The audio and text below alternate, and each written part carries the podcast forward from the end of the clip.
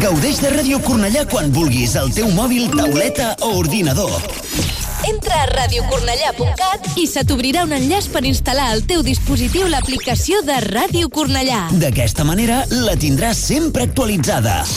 Podràs escoltar la ràdio en directe, descarregar i compartir els teus programes favorits, accedir a les notícies de la ciutat i molt més. I ara amb la millor qualitat de so. Ràdio Cornellà, sempre al teu costat. 104.6 FM Sintonitzes Ràdio Cornellà 104.6 Acompanya Ràdio Cornellà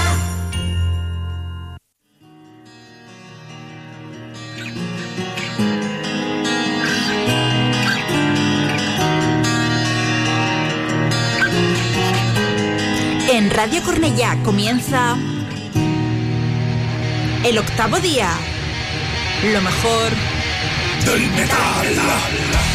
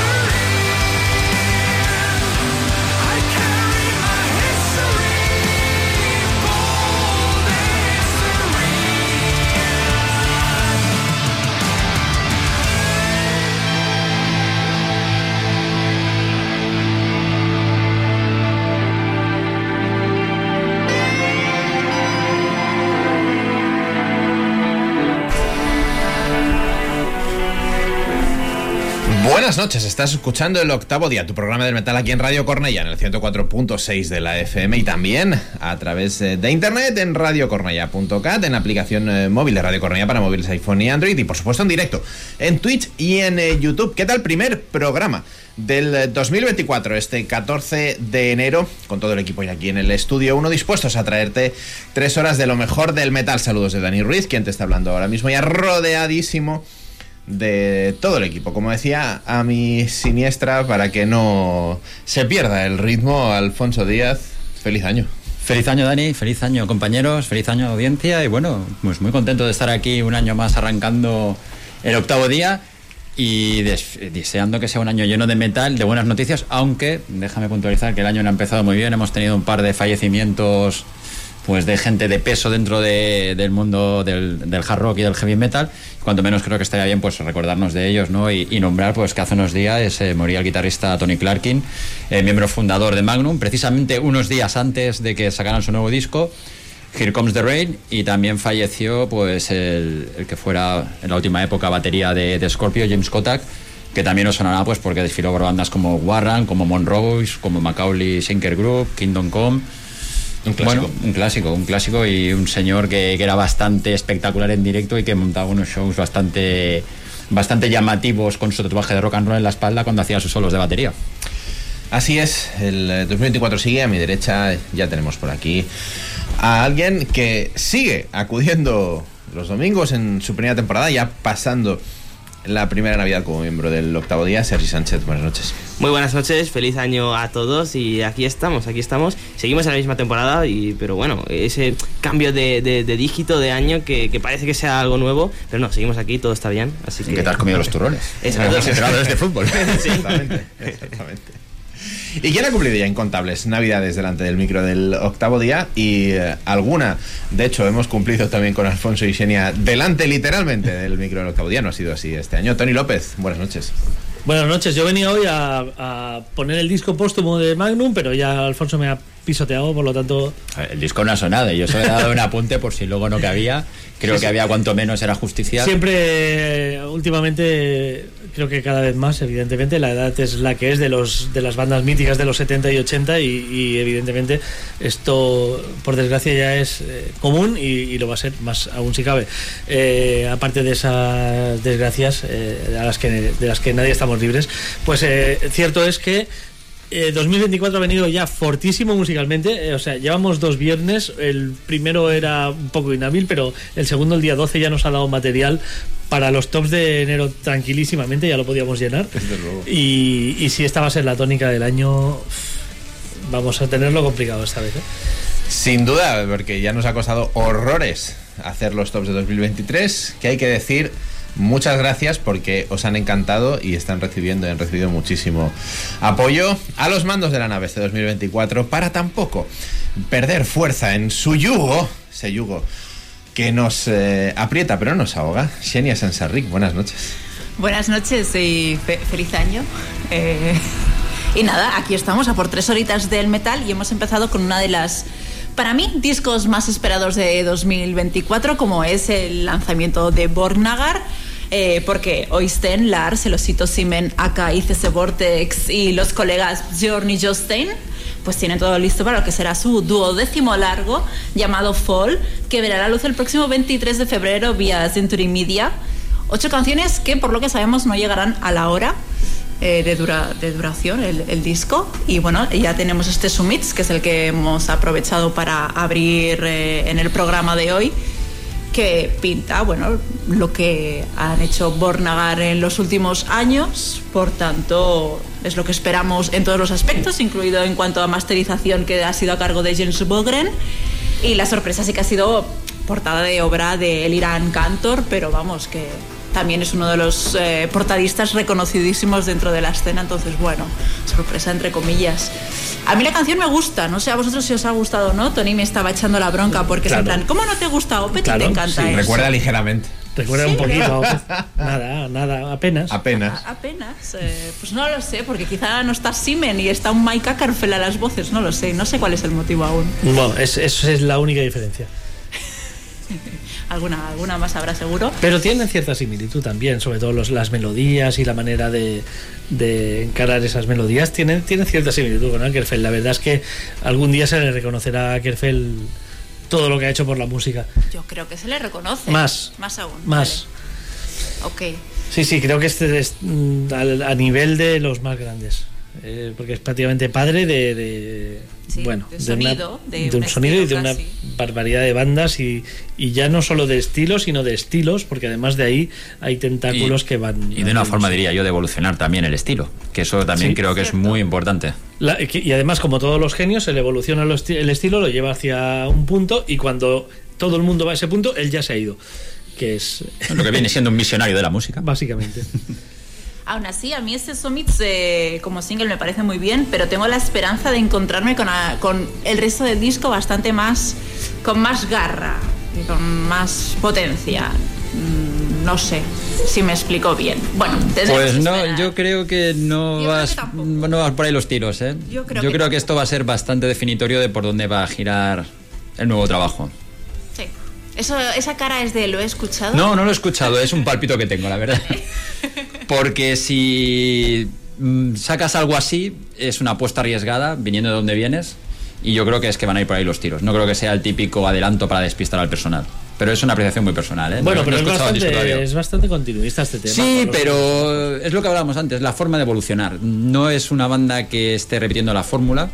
Y Mm, bueno, un poquito- Mm, Yo, que- yo no del veo matices, yo veo matices. ¿eh? Los Creo dos que- últimos trabajos, a mí me gusta quizá un pelo más Winter Trees, pero son bastante similares. Sí, es, es la tónica. Eh, es- pero yo espero alguna canción, alguna, alguna cosilla de esas pequeñas que a base de escuchas es cuando te das cuenta, que sea un pelín distinta. Tengo un poquito esa esperanza, no sé. Veremos. Yo los pasos atrás en estos estilos los veo. No los veo, más que los veo, no los veo. Bueno, Y siempre los pasos adelante en estas evoluciones suelen ser a más melódicos. Sí, es cier- eso es cierto. Que es un tema que ya hablábamos en programas anteriores del año pasado. Y si hay vuelta a las raíces, no suele ser buena señal para las bandas. No, no, tampoco pedía una vuelta a las raíces de Bornagar porque. No, pero sí que es verdad, como ha hace Isan, por ejemplo, que, que ha hecho una evolución muy marcada, pero en algún tema todavía te encuentras algún guiño al Algún pasado. destello de algún- pasado. sí. Que, Eh, que podremos hablar de Isa, no sé si hoy o otro día, porque el nuevo disco, bueno. Bueno, Y la parte de orquesta, bueno también. Bueno, Eh, también. Ahí me puedo meter con él bastante, pero, Vale, bueno. pero muy bien. En fin, antes de proseguir y tras este inicio tan solemne a ritmo de Bornagar, recordaros que estamos en redes sociales que todas son arroba el octavo día 8, tanto Facebook, Twitter, Instagram, TikTok, en YouTube, todo arroba el octavo día 8. Y eh, dicho esto, pues Alfonso, hace mucho que no venías aquí a la mesa y al estudio de Radio Cornellá. Pido, pido perdón a la audiencia, a mis compañeros, me flagelo y voy a intentar. No, se pensaban que estás castigado ¿eh? por lo de Marilyn Manson. Ah, sí. Sí, sí, sí. Bueno, es que de hecho estaba castigado ya. Aquí tenemos las caretas y estaba castigado. Y yo me lo tengo muy a pecho. Mi salida Sí, sí. el último día. Dije, pues no vuelvo hasta el año que viene. Y así he hecho. Así es. no, no, fue no vuelves hasta el año que viene, no, no vayas de digno. Se te petó Bueno. la entrada. Que me cambiaron la cerradura tuvo algo que ver, es verdad. Pero bueno. Pero voy a intentar resarcirme y, vamos a hablar eh, de, música nueva, de que hace gente joven, eh, pero que suena antiguo. Eh, vamos a hablar de, la escena barcelonesa. Y yo creo que todos estaremos de acuerdo, ¿no? Que, en los últimos años pues se ha ido creando una escena de, heavy metal tradicional en nuestra ciudad que la verdad que está moviendo gente, que se están moviendo incluso clubs alrededor suyo, como antes metaleros o gente de Metalcova, y están dando un espaldarazo a esa escena que en, algún momento de hace unos años parecía que estaba bastante de capa caída, pero que ahora parece que está reviviendo. Y sin ir más lejos, ayer estuvimos en el décimo aniversario, Sergio y yo, de, de Streamer, y vimos que había un muy buen ambiente y, bueno, gente de todas las edades, evidentemente más bien madurita, pero había gente de todas las edades viendo allí viendo allí pues este décimo, de- este décimo aniversario de Streamer. Pero no vamos a hablar de Streamer, ya hablaremos en otro momento. Vamos a hablar de una banda nueva, pero que ya lleva tiempo batallando. Nueva en el sentido de que van a sacar su primer largo. Estamos hablando de Savage. Y pues aquí pues nos encontramos gente de bandas pues como de Ray Sharp, eh, de Raptor, de Loan Shark, o sea, los que... es- De streamer mismo también. de streamer también, exacto. Los que somos asiduos de, de los conciertos locales, pues estamos acostumbrados a ver a estos músicos y sabemos lo que son capaces de dar y sabemos lo bien que se les da pues este rollo de heavy metal. Habéis, con- habéis dicho un montón de bandas, pero es que la verdad es que Christian Blade está en casi todas Sí, ellas. claro. Claro, podéis Pero por eso hablamos de, de las- escena, de, de músicos y, Claro. y que ya sabemos de, de- qué va el rollo. ¿Cuánta gente hay en esa banda? No, no, si son tres Sí, o sí, cuatro, sí. pero es que hay uno que está en seis bandas. Bueno, pues vamos a ver porque están a las puertas. Al final de este mes de enero va a salir este debut que se llamará Night, Sta- es- Night Stealer, perdón. Y, bueno, la sorpresa es que sale con el sello No Remorse Records el día 26. Como os digo, es un álbum de heavy metal auténtico, cañero, con algún toquecito de speed metalero. Y yo diría que también algún, algún tema que con un rollo más jarroquero también, que, que quieras que no, pues le da ese tono de fresco al disco. Así que ahora que ya hemos dicho de qué va el asunto, ya sabemos quién es la banda, sabemos cómo se llama el disco, pues vamos a escuchar un tema, si os parece, y vamos a escuchar el tema Elm Street.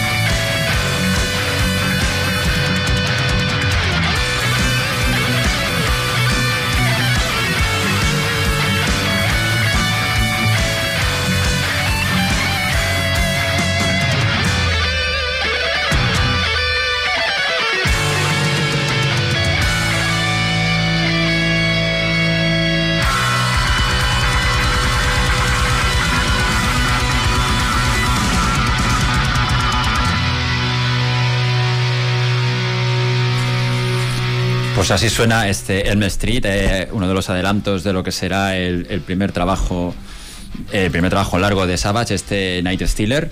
Y bueno, habíamos hablado de, los músicos que integran la banda, pues como decía Tony, Christian Blade, Aleix Harris, eh, Jamie Kilhead y Joan Grim, Grimald.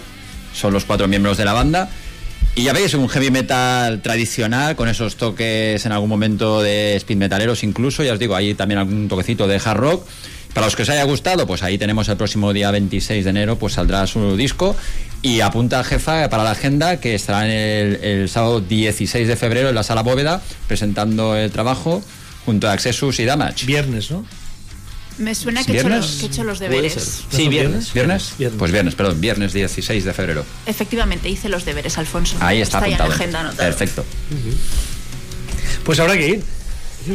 Pues Ah, yo, no yo de este Night Stealer, la verdad es que justo este tema no ha sido mi favorito y es que no lo he escuchado, pero al ser el primer largo sí que incluye algunas canciones que ya habían grabado, que ya habían compuesto, de demos o de lo que sea, y hay algunas que, que apuntan más alto, así que tengo ganas de, de dar Este, este yo ya he escuchado el disco entero, Seri, y estoy de acuerdo contigo. Pero bueno, eran los adelantos que ellos tienen y pues me he querido ceñir un poco al, al paso que nos marcan ellos porque tampoco podemos poner temas que aún no son- se han publicado. Claro. Pero sí, sí que es verdad que hay, hay temas que a mí personalmente me ponen más las pilas que no este. Ujú. Sin ser este un mal tema, ¿eh? por supuesto. Y se unen a las bandas que toman como referencia el universo del cine para hacer temas, en este caso el universo de Pesadilla en Elm Street y de Exactamente. Krueger, el terrible villano. Sergi, Eh, perdón, perdón, es muy recurrente este tema. Es decir, vuelve a haber otra moda ahora, un resurgir Totalmente. con, con Freddy y demás. Bueno, el Eh, tema es que son pelis de los 80. Y hay un resurgir y, también. y todo lo que sean pelis de los 80 llama mucho a. es verdad que dentro de los fans del slasher siempre está muy arriba, ¿no? El, el personaje es un personaje muy icónico, muy carismático. Pero es que ahora vuelve a resurgir hasta Chucky, hasta el muñeco, que han sacado nuevas versiones. Que se Bueno, una, pero serie, esto- una serie nueva. Ya, pero... Pero, pero esto es cíclico, por la primera de Shakira de los 80, ¿no? Luego Sí. teníamos la novia de Shakira también en los Sí. 90, con una banda sonora muy metalera. O sea, yo creo que es cíclico. Los guionistas hace tiempo de Hollywood que dejaron de, Sí, de- de castigar sus neuronas y cuando hay temas recurrentes y estos personajes pues son recurrentes y no nos engañemos, la nostalgia vende y la gente un persona es un gancho para ir a ver una película. Sí, sí, sí, sí. No hay total. más. El año pasado se estrenó la última de Halloween. De Sí, es cierto. Con Bueno. Michael Myers dándolo todo. Sí, sí, bueno. uf. Sí, Sí, exacto. correcto, correcto. Había, había una película, eh, Space Wars, no sé si os suena, eh, hablaban de algo de Rocky 5000 en los sketches y yo creo que llegará algún día. Correcto, así es. Sergi, Pues- eh, debut en 2024. Sí, También sí. eh, a ponernos las pilas, ¿no? Efectivamente, lo primero que traigo hoy es thrash metal, eh, una banda de Grecia. No, no sé por qué la presento así como una banda de Grecia misterioso, yo creo que todos la conocemos, son Suicidal Angels.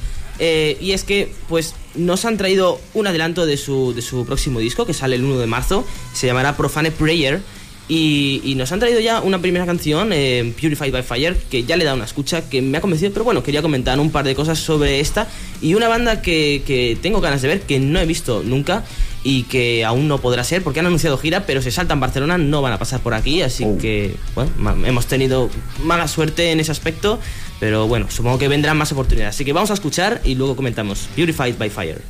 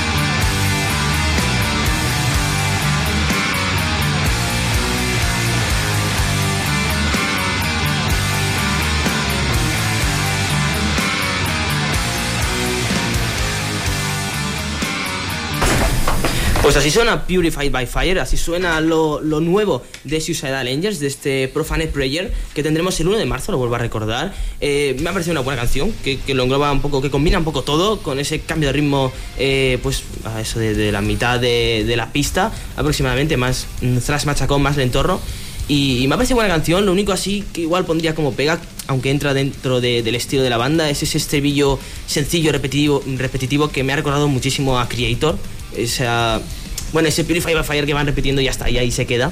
Pero luego musicalmente me ha gustado mucho, no voy a viajar para verlos, pero hubiese agradecido que, que parasen por Barcelona. Pero si vienen. ¿no? Si vienen, iré. Tú no vas a No, ir, si pero si no- vienen ellos. Exacto. Si no vienen, yo creo que en algún festival es probable que tengamos ocasión de, de verlos, ¿no? O En algún paquete de estos de gira acompañando a algún peso pesado, Sí. yo creo que caerán. Ujú. Y una banda que con una trayectoria larga yo sí que he tenido ocasión de verles y la querías decir algo sobre la Sí, banda. no, pero era una reflexión, era una reflexión.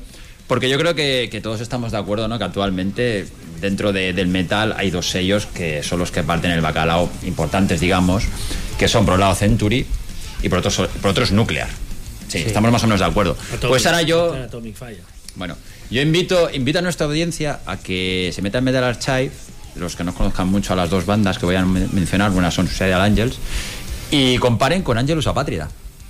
O sea, son carreras muy similares, empezaron más o menos en la, misma época, la producción de discos más o menos también es similar, y yo creo que cada una es la punta de lanza de su respectivo sello cuando hablamos eh, en estilo de thrash metal. Es una reflexión que ya hace tiempo que, me llevo haciendo. Y no sé, la dejo ahí por si alguien quiere por ahí comentarla o lo que sea. Yo creo que es la apuesta de, de cada uno de, de estos respectivos sellos por una banda de thrash metal. Aún así, que no te lo discuto, a mí me da la sensación de que ha habido, a nivel general, quizá porque no es por donde yo me muevo, ¿eh? pero tengo la percepción de que Suicide Angels hace unos pocos años tenían mucho más tirón que ahora. Imagino que este tiempo que han estado en silencio, pues evidentemente no os ha hablado mucho, no han girado mucho o no han llegado aquí. Pero me da la sensación de que hace nada, quizá cinco años tenían un poquito más de tirón. Sí que es verdad que pese a que digo que las carreras son bastante mm, parejas a nivel de producción, estos años pandémicos, entre comillas, Ángelos han sacado dos discos Muchas, y ellos, sí. ellos han estado parados, o Sí. sea, porque el- su último disco es de 2019. Claro, ahí Ángelos Claro. se destacan un poco, evidentemente. Claro. Y también es que, no sé qué disco fue, pero un- eh, hubo un disco Suicide Angels que lo, lo promocionaron a, a fondo, o sea, me- que estaban en todas partes. El Division of Blood, que vinieron Sí. de, de gira con, no me acuerdo sí, quién sí, fue. Three este. Inches of Blood, quizá, en Sí, sí, Di- esos... Division of Blood. Sí, Sí, con no, Three pero con Three. Ah, Inches of ser. Sí, sí, Blood. En- ¿Sabes que antes Three Inches of Blood hacía esas Sí. giras? Bone Crusher, Sí. que venían Necrophobic Sí, también, qué, Obscura. qué gran banda que habría Sí, que, que- que se Sí, tendrían tío. que volver a juntar. Bueno, del último disco que sacaron, Long Life Heavy Metal no era, falleció el cantante. De Three Inches of Blood. Sí. Puede oh, ser, me puede estoy ser. confundiendo. No recuerdo, pero Espera, era una a ver si lo estoy matando, pobre si chaval, y está estupendamente bien. Eh, vamos No sé, a- pero el, el caso es que, es que a Suicide Angels hubo un, en uno de los lanzamientos los potenciaron a saco y es verdad que había Suicide Angels en cualquier sitio, en cualquier lugar y de cualquier manera. Está vivo, Shane. Está vivo. Campais. Campais me sale que está viva a mí también. Pero Lo bueno. siento. Murió el de Manila Road, igual te confundes por ahí. ¿eh? No, no, no, había, no, no, es, no, ya, ya se me había, es que es una banda del rollo, también bastante potente y falleció el cantante. Pero ya caeré Grim en algún momento. No. En cualquier caso, la gente que no, por lo que sea, no conozca Three, eh, Three Inches of Blood, por favor que le pegue una escucha Sí, porque es un sí, sí, sí, ban- sí, sí. una bandaza. Sí, sí, eran brutales los carteles aquellos que montaban variadísimos además. Es como seis bandas, sí, sí. Entonces, siempre venían a Salamandra y Sí. súper bien. Con Faceless, Black Dahlia Murder, Sí. Obscura, Negrophobic, hostias. Black Dahlia Murder, que por cierto han vuelto otra vez con un cantante nuevo, puede ser. Sí. sí, sí, sí. Y, que, Exacto. y que del rollo core nu que habían incorporado, ahora lo están dejando bastante de lado. Y están más interesantes los últimos lanzamientos. Que era una banda que se dejaba caer aquí cada año. Sí, Mm. Y hoy ahora, bueno, el rollo de la pandemia y la desgracia que han tenido, les hemos perdido un poquito la pista, pero a mí una banda que en directo siempre, siempre me convenció, la verdad. Totalmente. Pues eh, dejamos estilos más agresivos y nos vamos a, a un estilo que ahora conoceréis como Power Metal, pero que en su momento se llamaba Metal Alemán. El Power Metal era lo que hacían Cage y Sabotage en Estados Unidos y en Europa se hacía Metal Alemán. Y el Metal Alemán lo hacían pues eh, Rage, lo hacía Gamma Ray y lo hacían Scanner. Scanner, la banda liderada por Axel Julius, que eh, regresó hace, hace unos pocos años a la, a la actividad, pero que ahora en 2024, y me voy al pasado, concretamente al pasado viernes, día 12, editaban The Cosmic Race, el que es su nuevo trabajo. Y a Scanner eh, y a estas bandas eh, de los 80 y 90 que se reúnen les pides que sean respetuosos con su legado y que te hagan un disco del cual bueno que no te haga que no te haga pasar vergüenza ajena y que lo puedas disfrutar lo más eh, lo máximo posible. Creo que con estos parámetros Scanner ha hecho el disco perfecto. Y es que The Cosmic Race seguramente no va a ser un top 10 de 2024 o sí, no sabemos cómo evolucionará en el oyente, pero es un disco que pasa fantásticamente, pasa eh, muy rápido, o sea, el viernes le di dos escuchas y, y no me di ni cuenta, todos los temas eh, tienen algo, todos los temas tienen algo de variación, hay uno un poco más lento, otro un poco más rápido, otro con un estribillo más coreable, pero todo, todo este Comic Raids, eh, el contenido es eh, metal alemán del año 91. Eh, te vas a. Sí, sí, te- es que te vas allí. Es que yo escuchando este disco me he ido allí. De hecho, he llamado a amigos de, de aquella época que nos volvíamos locos con, el, con el estilo. Tenéis que escucharlo. Y efectivamente, es lo que hemos hecho y lo que seguiremos haciendo. Warrior of the Light es el tercer corte. Ya escuchamos el tema que abre, que es un temazo. Pero en este caso me quiero quedar con este tercer corte. Uno de los grandes eh, temas de este nuevo trabajo de Scanner.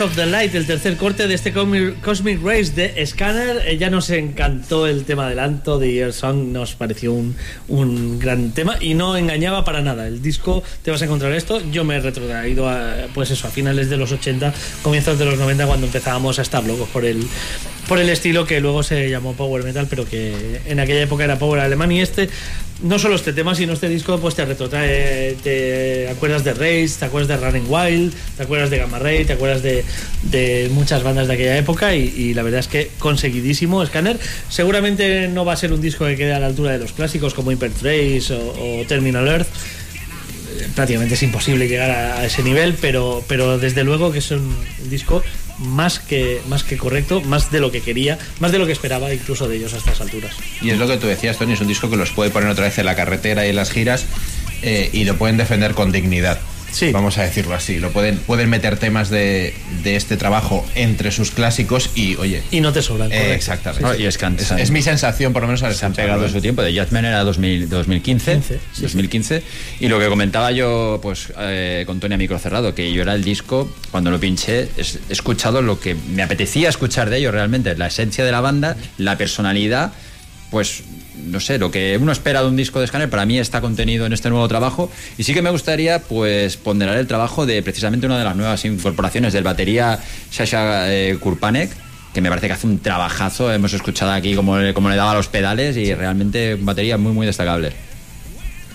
Una muy buena banda de la que se ha rodeado Axel Julius y su sello personal que nos encanta y que sigue con Scanner pues eh, eh, por el buen camino. Es- este es el camino. Y tenemos, Tony, alguna información de si tienen pensado salir a la carretera, como decía Dani, a defenderlo, porque estaría la muy idea bien. es que sí. La idea es que sí, claro, estamos todos esperando pues lo típico, de Alcoba, Mi Pirinean, Pirinean, ahí va claro. yo, a Pirinean.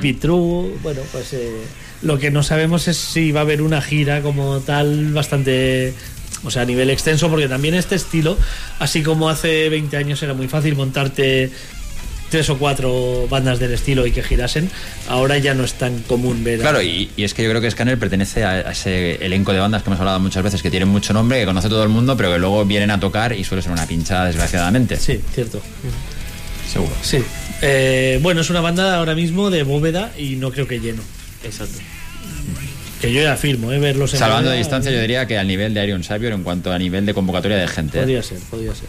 Sí, sí. Ahí está. Yo no, no iba a opinar mucho, de hecho no voy a opinar mucho porque quiero pedir disculpas públicamente. Eh, no sé si es que he estado viviendo en una cueva, hibernando estas navidades, porque no se me ha pasado por alto la salida, el lanzamiento de este nuevo disco de Scanner. Y como fan de la banda, pues obviamente lo que voy a hacer al llegar a casa es escuchármelo entero. Así que de momento no voy ni a opinar. Tienes que abrir Telegram los viernes y ahí nos, no- o sea, ponen una serie de discos que, como decía Andrés este pasado viernes, eh, ya no, no me da todo el año para escuchar lo que habéis puesto solo este viernes.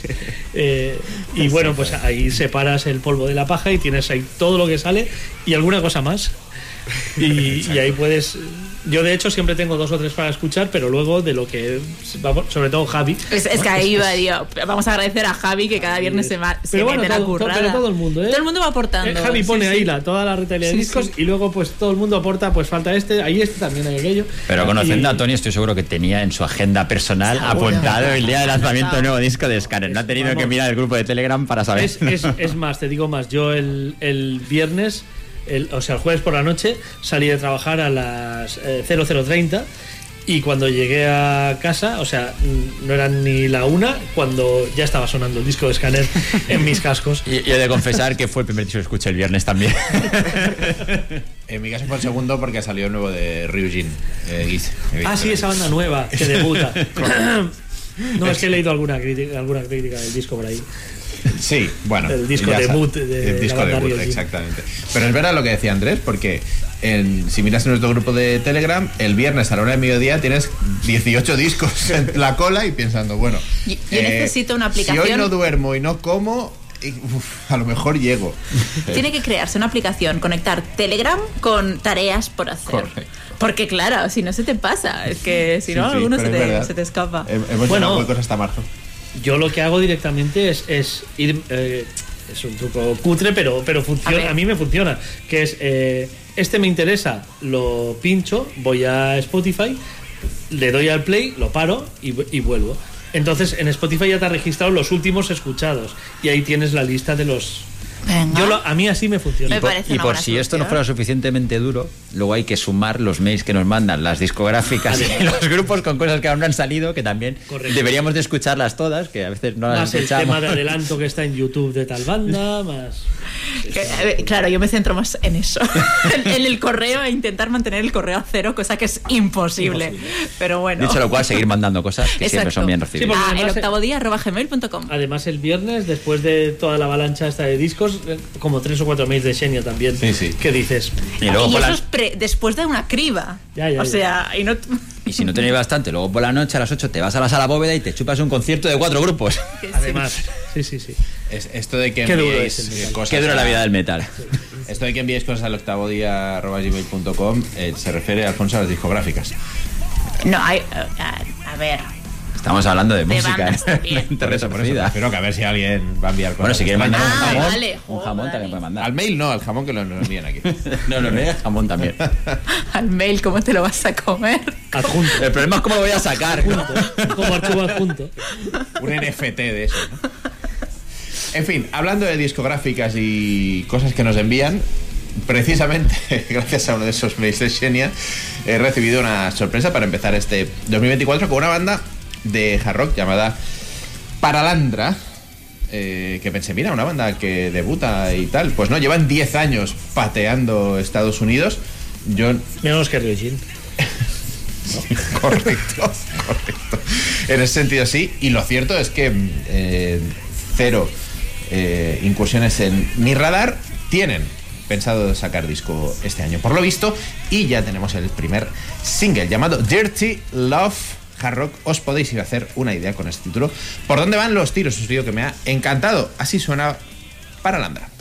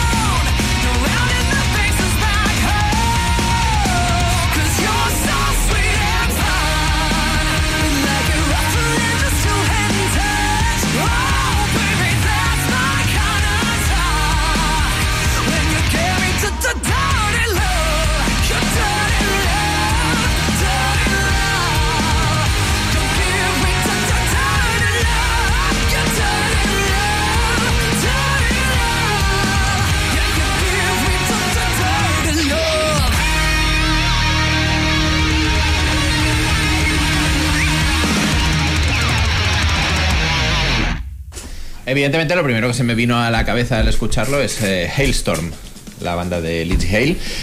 Un puntito menos de mala leche. Seguramente este cuarteto, formado por Cassandra Carson y Paul Carson, Sawyer Rickard y Dakota Watson, que como decía para mí han sido toda una sorpresa. La banda de Missouri, aunque llevan 10 añitos ya de trayectoria, pero como muchas veces he comentado, este tema sirve y ha servido para que me ponga a bucear en su discografía y para que eh, llamen poderosamente mi atención a ver qué sacan en este 2024. Fans del hard rock americano, tenéis seguramente en estos Paralandra eh, pues una banda para deteneros un ratito. Sonido limpísimo, un eh, hard rock con muchísimo carisma, así que tiene una pinta genial.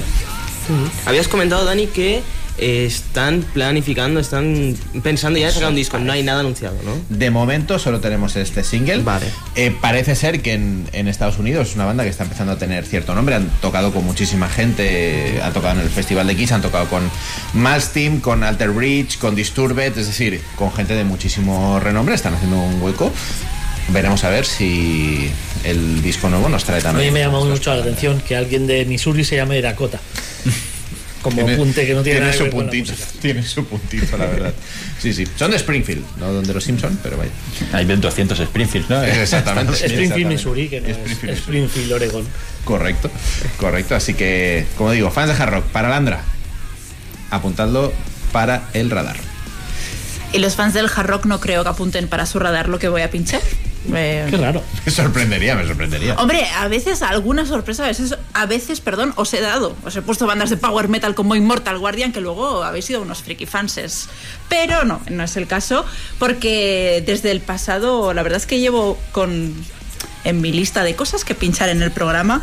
Bastantes semanas con esto, pero por una cosa u otra no ha entrado. Pero hoy tenía que entrar porque es una banda de Vico que cumple 20 años. O sea que eso es muchísimo. Hablo de Dantalion, que están de aniversario y que son unos referentes respecto al, met- al black metal nacional. Y, la verdad es que el pasado 8 de septiembre vio la luz Fatum vía Non Serbian Records, su noveno largo. No lo llegamos a pinchar en el programa si, si mi investigación no es errónea, que creo que no es errónea. Y más que nada porque digo, lleva en mi lista de cosas que pinchar muchas semanas. Y como, como digo, en, en Fatum volvemos a encontrar ese, digamos, auténtico, ese puro black metal de, de los, digamos, no primeros lanzamientos de Dantalion, pero por ahí, por, por por ahí van los tiros. Eh, además, en este disco destaca la voz de Sanguinist, que ofrece todo ese desgarro típico del género, así como puntuales momentos de melodía gracias a unas guitarras y unas baterías súper, súper veloces.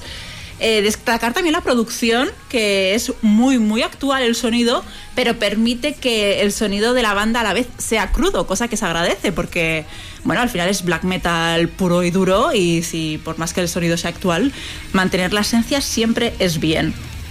Y, nada, mm, no sé si los conocéis o no, yo creo que por aquí sí, pero si hay alguien que nos está, está escuchando y no conoce a Dantalion, suenan, por si os gustan, Gaerea, los Shining suecos, son dos ejemplos que creo que pueden encajar bien en lo que es el sonido de, de estos gallegos. Así que vamos a recuperar este Fatum que, como digo, vio la luz el pasado 2023 con la canción que precisamente lo abre, con ese Great Funeral of Down.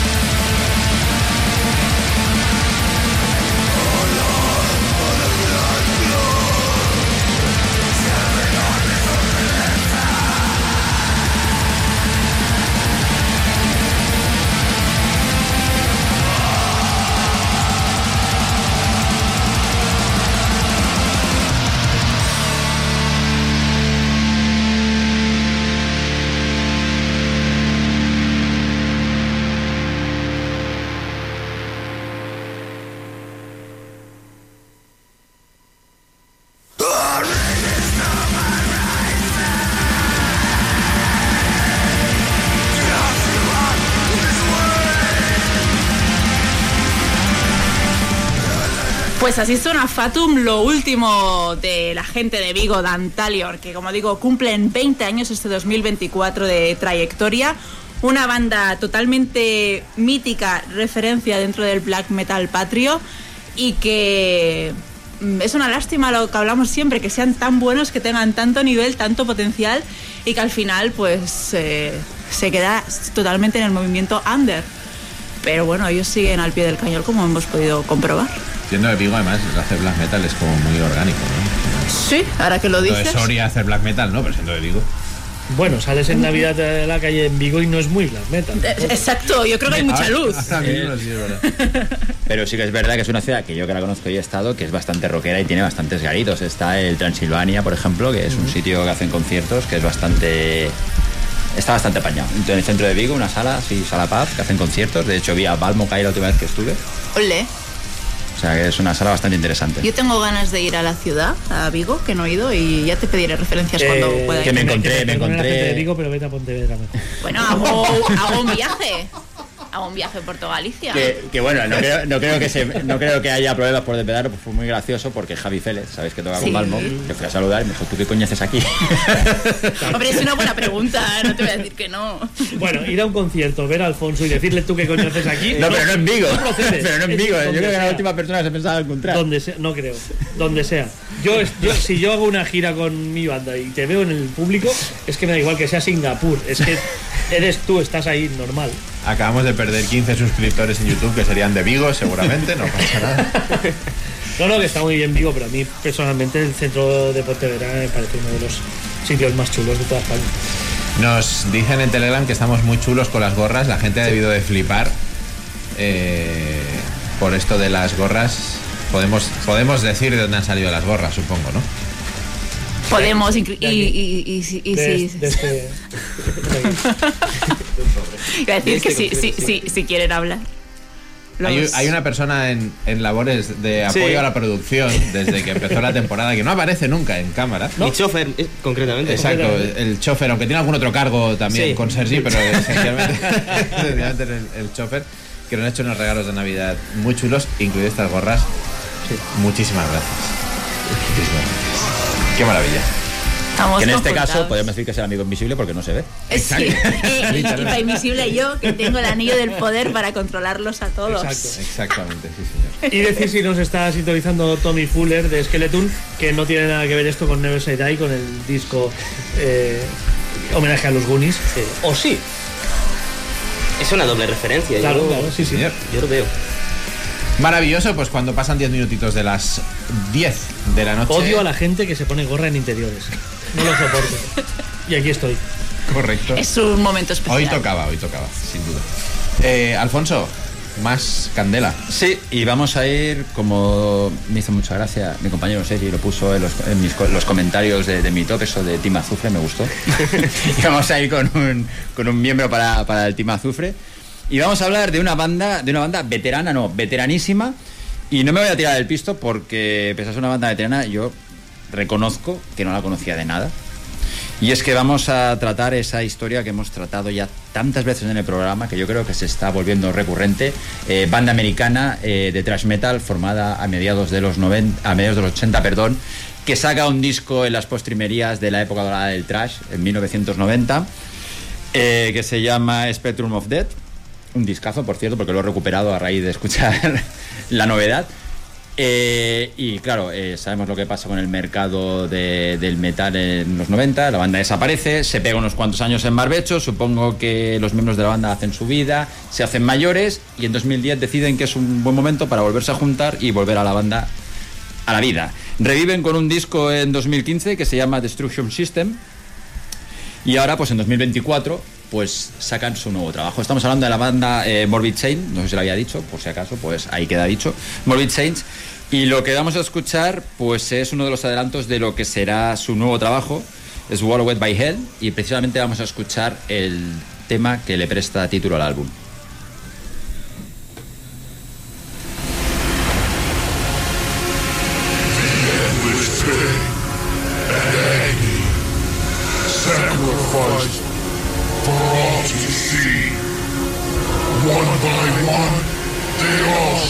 All. This twisted plan revealed to all. The end is just beginning. With fists in the air, we will stand up and fight. They'll pay the price for those that fell. Their souls released to burn in hell.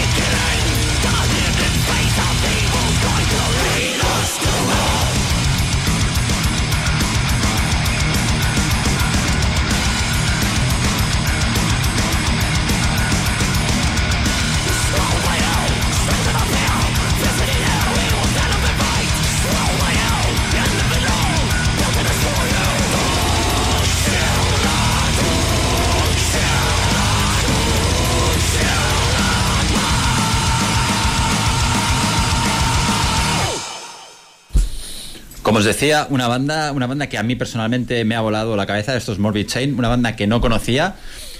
Eh, como os decía, eh, Spectrum of Death fue su debut del año 1990. Como curiosidad, es una banda americana, pero el disco salió con un sello mexicano.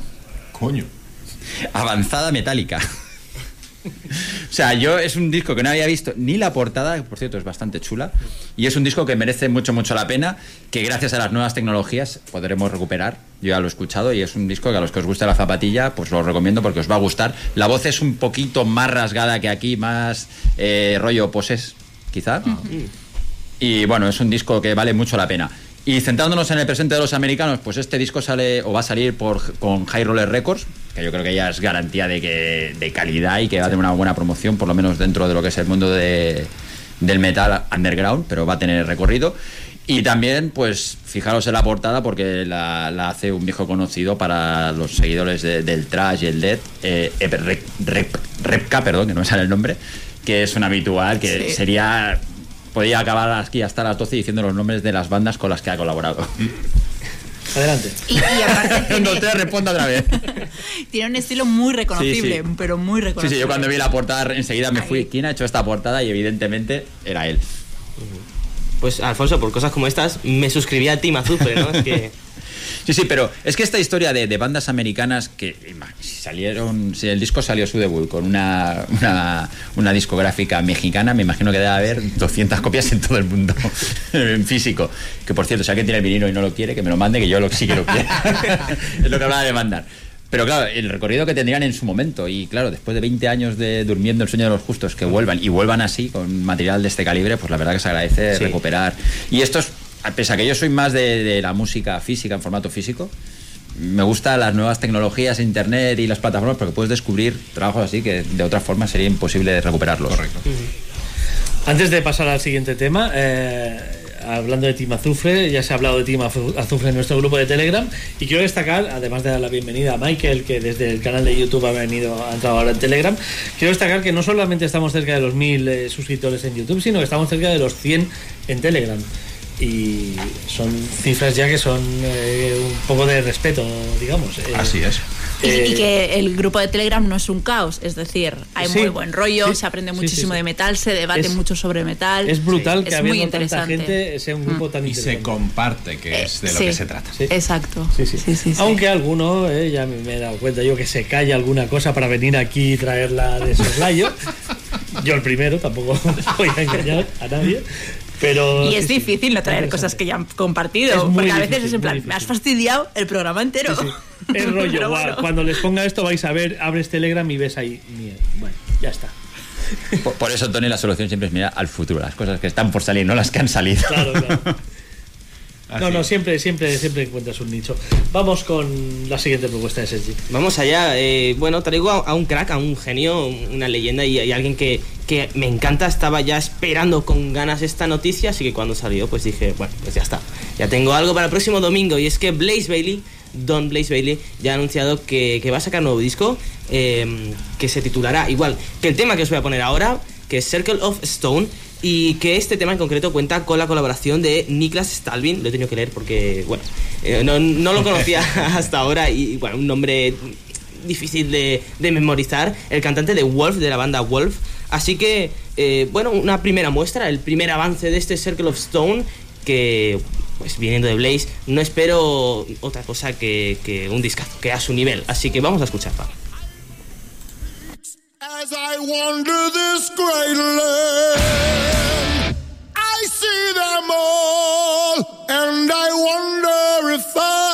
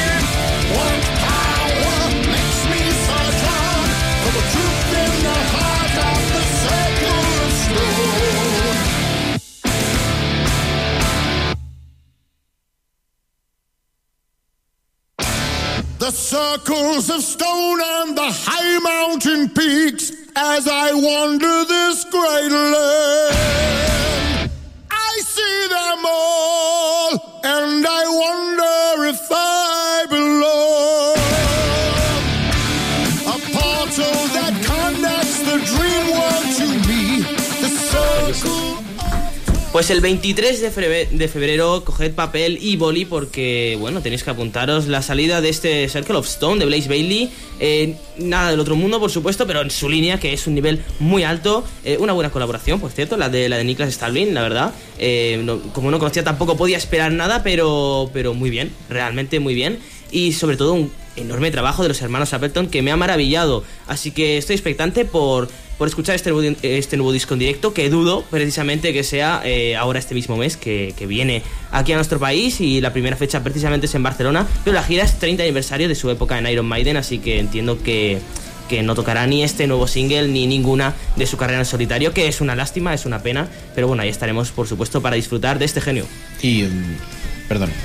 Que se ha olvidado Sergio una cosa muy importante. Que diga que puede en ver una entrevista en que le ha hecho en su canal. Que haz la publicidad, Sergio. Pues sí, sí, precisamente en mi canal, en, en Iron Madness, podéis encontrar eh, una entrevista que le hice a Blaze Bailey hace no mucho, en la que ya se habló un poco de, de la salida del nuevo disco, pero obviamente no me pudo dar una fecha exacta. Pero también hablamos de la gira que, que viene este mes y un montón de cosas interesantes, de su recuperación. Como bien sabréis, este año, este pasado 2023, pues sufrió un ataque al corazón, del que ya está súper recuperado y está, vamos, eh, a tope de fuerza, de energía. Y, y es que es flipante, o sea, ya, ya tiene un disco eh, bajo el brazo, a punto de salir a la vuelta de la esquina, viene a girar ahora, así que está con ganas. In- indudablemente la mejor noticia es que su estado de salud es- eh, se ha mejorado. Sí.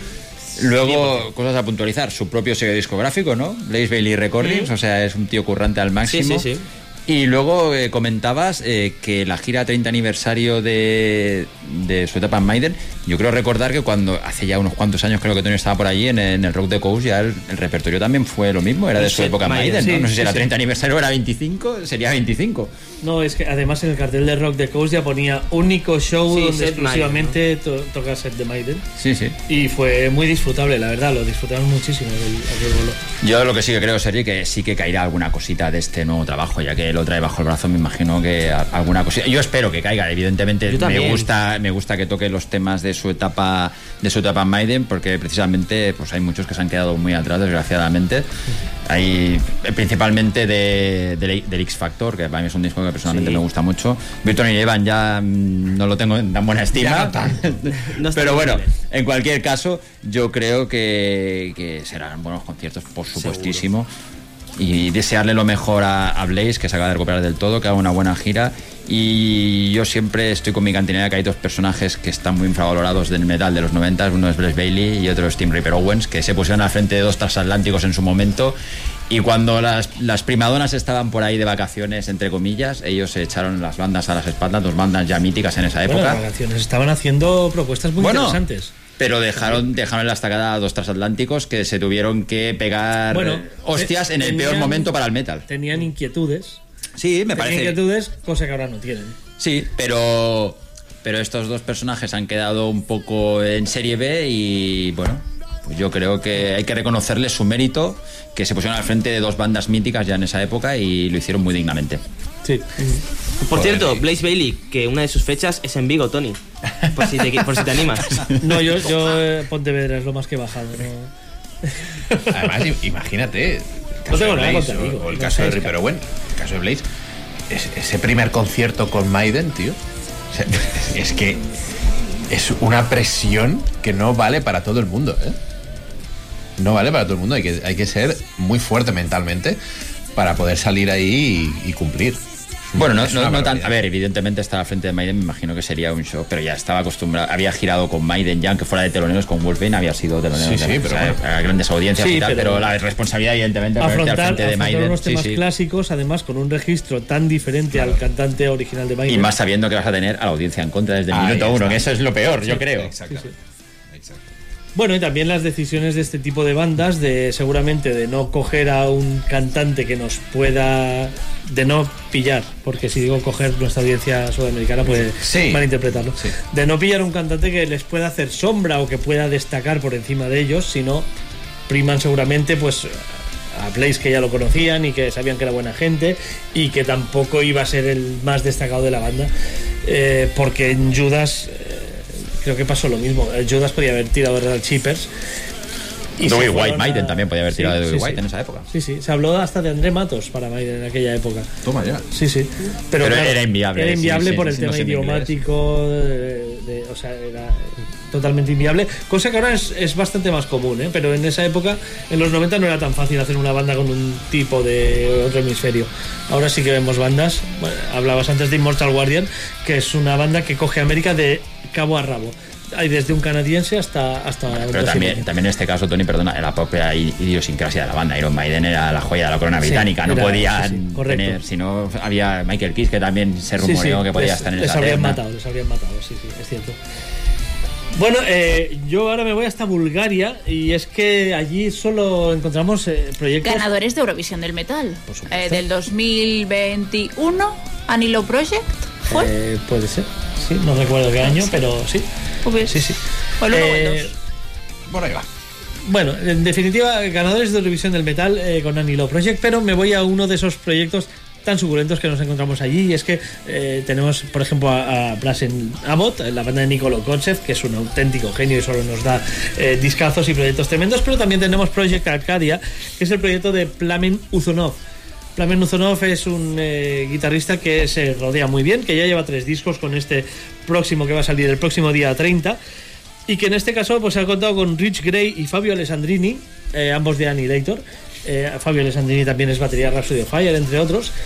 Y que no solamente está bien rodeado, sino que para este nuevo trabajo, Of Sins and Other Tales, eh, creo, creo que Dani ya tiene uno de los dos destacados del mes de enero, en cuanto escuche este disco. Y es que sale el 30 de enero este Of Sins and Other Tales. Y os vamos a dejar con el, tema que abre. Además, eh, el vocalista es muy curioso porque el vocalista es un tal Davis Artigas, venezolano. Y me ha encantado la voz de este señor. Tremendo. Eh, no digo más, os dejo con Project Arcadia y el primer adelanto de este su Of Sins Another Tale, que es la primera parte de, Los Pecados, Of Sin Part 1 en FAI.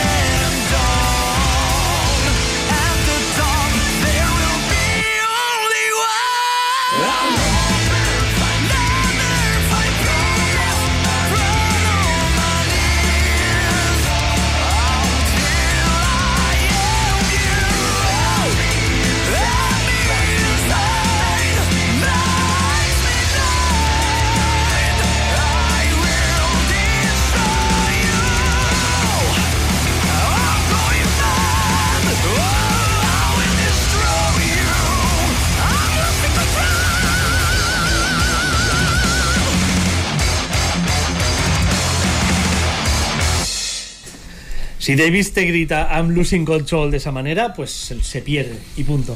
Project Arcadia el Comprar. próximo 30, 30 de enero. Sabía que, que Dani iba a comprar, Sí, pero no, creo que la mayoría de gente que estamos en el estudio vamos a comprar. Eh, yo tengo los otros dos discos de, de este, de este proyecto y la verdad es que son discos eh, totalmente disfrutables de inicio a fin. No son discos que tienen un single bueno y luego aburren. No, no. Una, una banda que, que no falla y con este Of Sins and Other Tales de pecados y otros cuentos eh, nos van a, a regalar los oídos en el próximo 30 de enero uno de los discos de como mínimo del mes creo porque pinta muy muy bien ya habéis oído Va a ser así, por lo menos por mi parte. Segurísimo. En Twitch, Pepe te está dando sus dieces. O sea, otra persona que se lo va a comprar. Sí, sí. Que te va a invitar a cervezas gracias a ello. Clarísimamente. Fantástico. Exacto. Sí, sí, pinta. yo creo que ya me las invitó eh, preventivamente ¿eh? porque yo en Zamora cada vez que salía a la calle tenía una cerveza nueva en la mano Culpa de Pepe. culpa de Pepe todas Correctísimo. Seria, queríamos abordar una cuestión Ah. antes de llegar a las 11, ¿no? Hombre, ya que está, aquí nos gusta charlar, marujear, sacar un poquito de salseo, de jugo. No a morir, que si No. se da, se da, sino de la escena, de cómo funciona el- mundillo del metal. Y es que esta semana hemos empezado a ver un montón de bandas que han hecho público un comunicado eh, respecto a una, digamos, agencia de management eh, la- de la cual se desvinculaban. A partir de ahí, pues bueno, ha habido muchos músicos de la escena que han hecho también sus propios comunicados en sus propias páginas de Facebook o perfiles de Instagram. Exacto. E incluso, pues, The Metal Circus eh, ha hecho también su propio artículo aportando su visión Sí, sí. en su tono habitual de Metal Circus. Entonces, eh, lanzo aquí la pregunta un poco así inventada. No sé si habéis, habéis leído toda esta polémica por redes y si opináis, ¿qué opináis? eh, si realmente, yo que sé, había el debate de realmente te vale la pena pagar 3.000, 4.000 euros para que una persona te busque conciertos simplemente y le envíe tu promo a dos medios? Pregunto. ¿Qué serios? Bueno, voy a, voy a romper. Voy a romper Es que os estoy viendo muy serios, me estáis acojonando. Eh, a ver, esto es una, una problemática que se puede abordar, yo creo, de diferentes formas. Evidentemente, si tú pagas un dinero, quieres un resultado o haces una inversión. El problema es a quién le estás pagando, si es profesional o lo suficientemente profesional Ahí para está. mover tu producto. Eh, creo que todos estaremos de acuerdo que muchas bandas, eh, muy acertadamente o no, eso cada uno es dueño de su dinero y de su proyecto y de lo que quiera, e invierte mucho en un portadista, en que el disco lo masterice Mika Yusila, pero luego lo que es la promoción parece que no, que eso te lo tienen que regalar. Y evidentemente el trabajo de promoción también se tiene que pagar. Totalmente. Y esto hay muchas bandas que parece que no, que tú tienes que ir a picarles a la puerta y. No, pues tú, tú- tú sacas un producto, tienes que ofrecerlo a la gente y la forma de que llegue a la gente es ofreciendo a los medios de comunicación.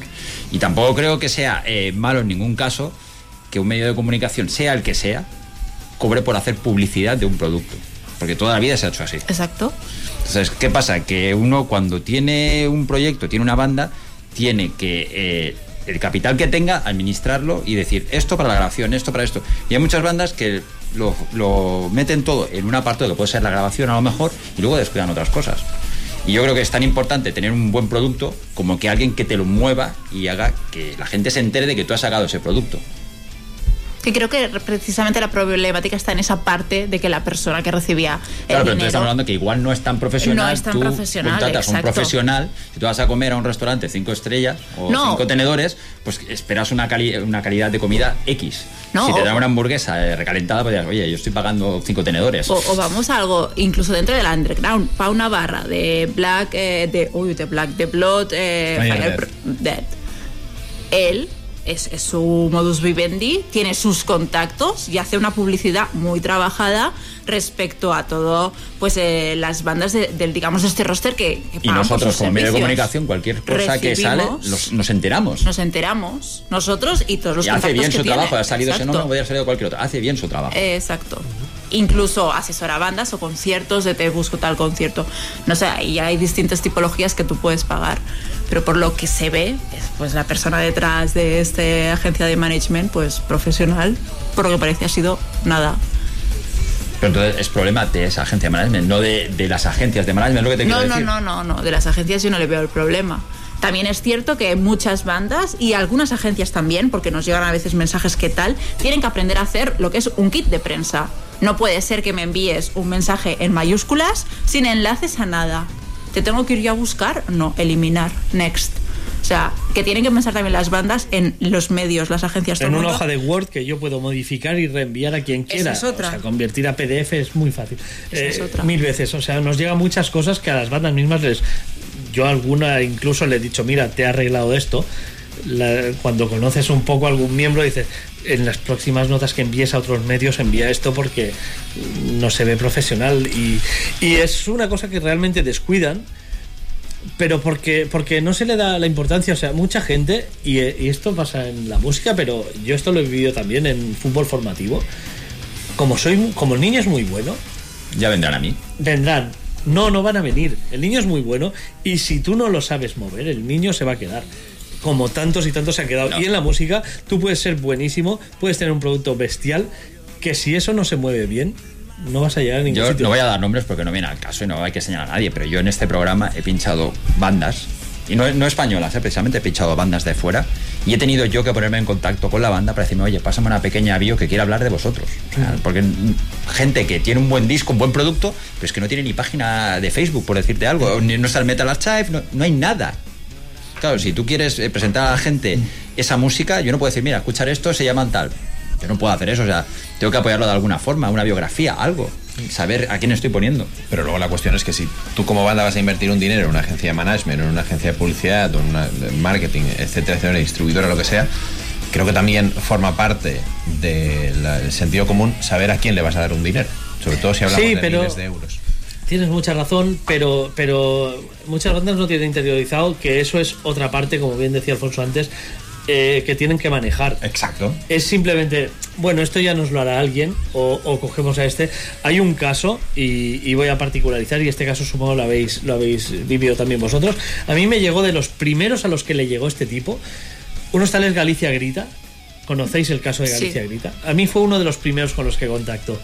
Y yo le dije, bueno, dime qué quieres hacer y tal. El tío me explicó el de esto y le dije, a ver, yo conmigo no vas a hacer negocio, eso te lo clarísimo, ni yo te voy a promocionar tu agencia. Ahora bien, las bandas que tú me pases y tal, yo me las... es- no, no, es que me tienes que...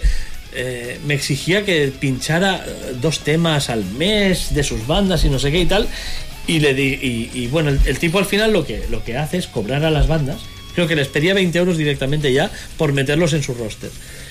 Y a partir de ahí, si querías que te pincharan en tal... O sea, tú por pinchar una banda de este tipo, además, eh, él cobraba de las bandas. Eh, y al final lo dejó de tal manera que, que- y bueno, no me quiero centrar en este porque hay mucha gente así, que ven un filón ahí de sacarle dinero a bandas que realmente no se enteran muy bien de qué va esto. Que luego yo además me he encontrado muchas bandas estafadas, porque la palabra es estafadas por gente eh, que se mete en esto para, para sacarles cuatro cuartos. Correcto. Que, que incluso me han dicho, no puedes hacer tú de manager. No, no, porque no tengo ni el tiempo, ni los contactos, ni seguramente el, el perfil necesario. Y hay gente que lo tiene. Y seguramente la gente que lo tiene, que es lo que me dicen muchas veces bandas de estas, es que es muy caro. Bueno, depende de lo que tú entiendas por caro. ¿Qué quieres hacer?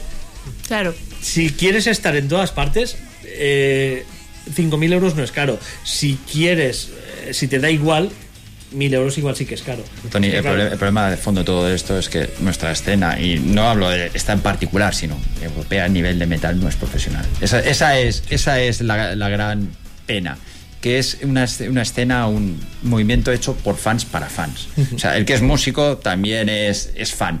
Y al final, pues no, no somos profesionales y eso pues acaba repercutiendo en que hay cosas como estas. Que tú tienes contactos, ah, yo hago de manager, pero tú no eres manager, no tienes formación para ser manager. Correcto. Que conozcas a, que alguien me conozca a mí, que estoy aquí, pues vale, pues si me da un disco y me gusta, yo lo pondré. Vosotros me conocéis, pero si a mí no me gusta, por mucho que me sea amigo, pues yo no lo voy a poner. Porque yo pongo lo que a mí me gusta y lo que para mí pasa mi Sí, pero filtro. nosotros salimos un poco de, de este circuito. Pero porque es lo que te digo, Porque no tenemos es- compromiso porque tampoco somos profesionales. Ese es el tema. El tema es como, por ejemplo, el, el próximo martes, dentro de dos días exactamente, Opera Magna estrenará su segundo single, donde en el vuelo de Fénix. Lo podían estrenar aquí, lo podían estrenar aquí, yo lo he escuchado. Soy amigo personal y Dani también de algunos de ellos. Pero mm, es, es el mundo profesional, que saber separarlo de- del mundo amateur, de la afición o de lo que sea. Y yo no me veo con. No les voy a decir, oye, dámelo a mí que lo estrene yo. No, no, yo no soy quien tiene que estrenar eso, tiene que ir por el circuito Claro. correspondiente. Esto mucha gente no lo entiende. Mucha gente no lo entiende, no solamente de las bandas, también. Mucha gente que yo tengo mi programa local o mi podcast o mi eh, canal de Twitch y quiero, porque eres mi colega, estrenarlo yo, no, perdona. Hay un circuito profesional y si quieres hacer las cosas bien, tienes que ir por ese circuito. ¿Es una mierda? Sí, es una mierda, pero mm, que no lo es, digamos. O sea, todo tiene un porqué, todo tiene un sentido.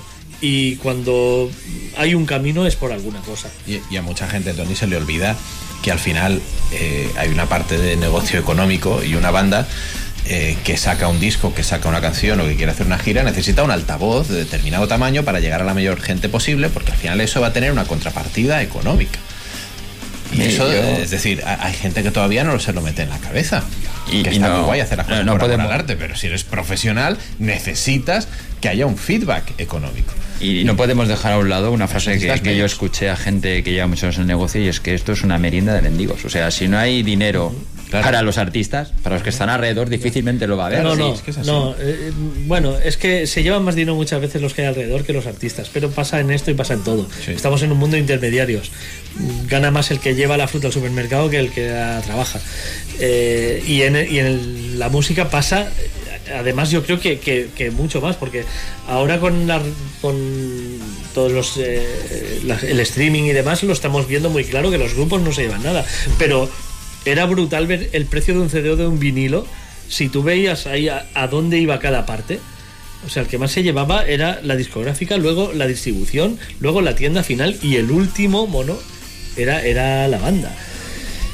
Eh, por eso muchas no quisieron entrar en el circuito seguramente y autoproducirse. y- vale, eso es muy bonito, es muy ideal, pero tienes que atenerte a que igual no vas a llegar a todas O- partes. o- eso y que tienes que trabajar luego tú Además. en tu banda, tienes Claro, que hacer claro. un trabajo extra de promoción, de contactar, de llamar a puertas, que es totalmente lícito. Muchas bandas deciden hacerlo así, que una de las personas o entre varios dedicarse está muy bien. Eso sí, es más difícil. Y no te olvides de buscar salas, porque antes las salas se ponían en Claro. contacto contigo, pero ahora tienes tú que alquilar la sala, arriesgar tu dinero, no te llevas ni un dinero de la barra la mayoría de los casos. O sea, claro, es que encima tienes que, los músicos tienen que poner dinero, dinero y más dinero. Totalmente. Sí, no, es que. al fin- no, perdona, Dani, eh, solo un segundo. eh, porque ahora Alfonso me lo ha recordado y es que al final muchas bandas ponen dinero. e Imperial Age, que yo creo que.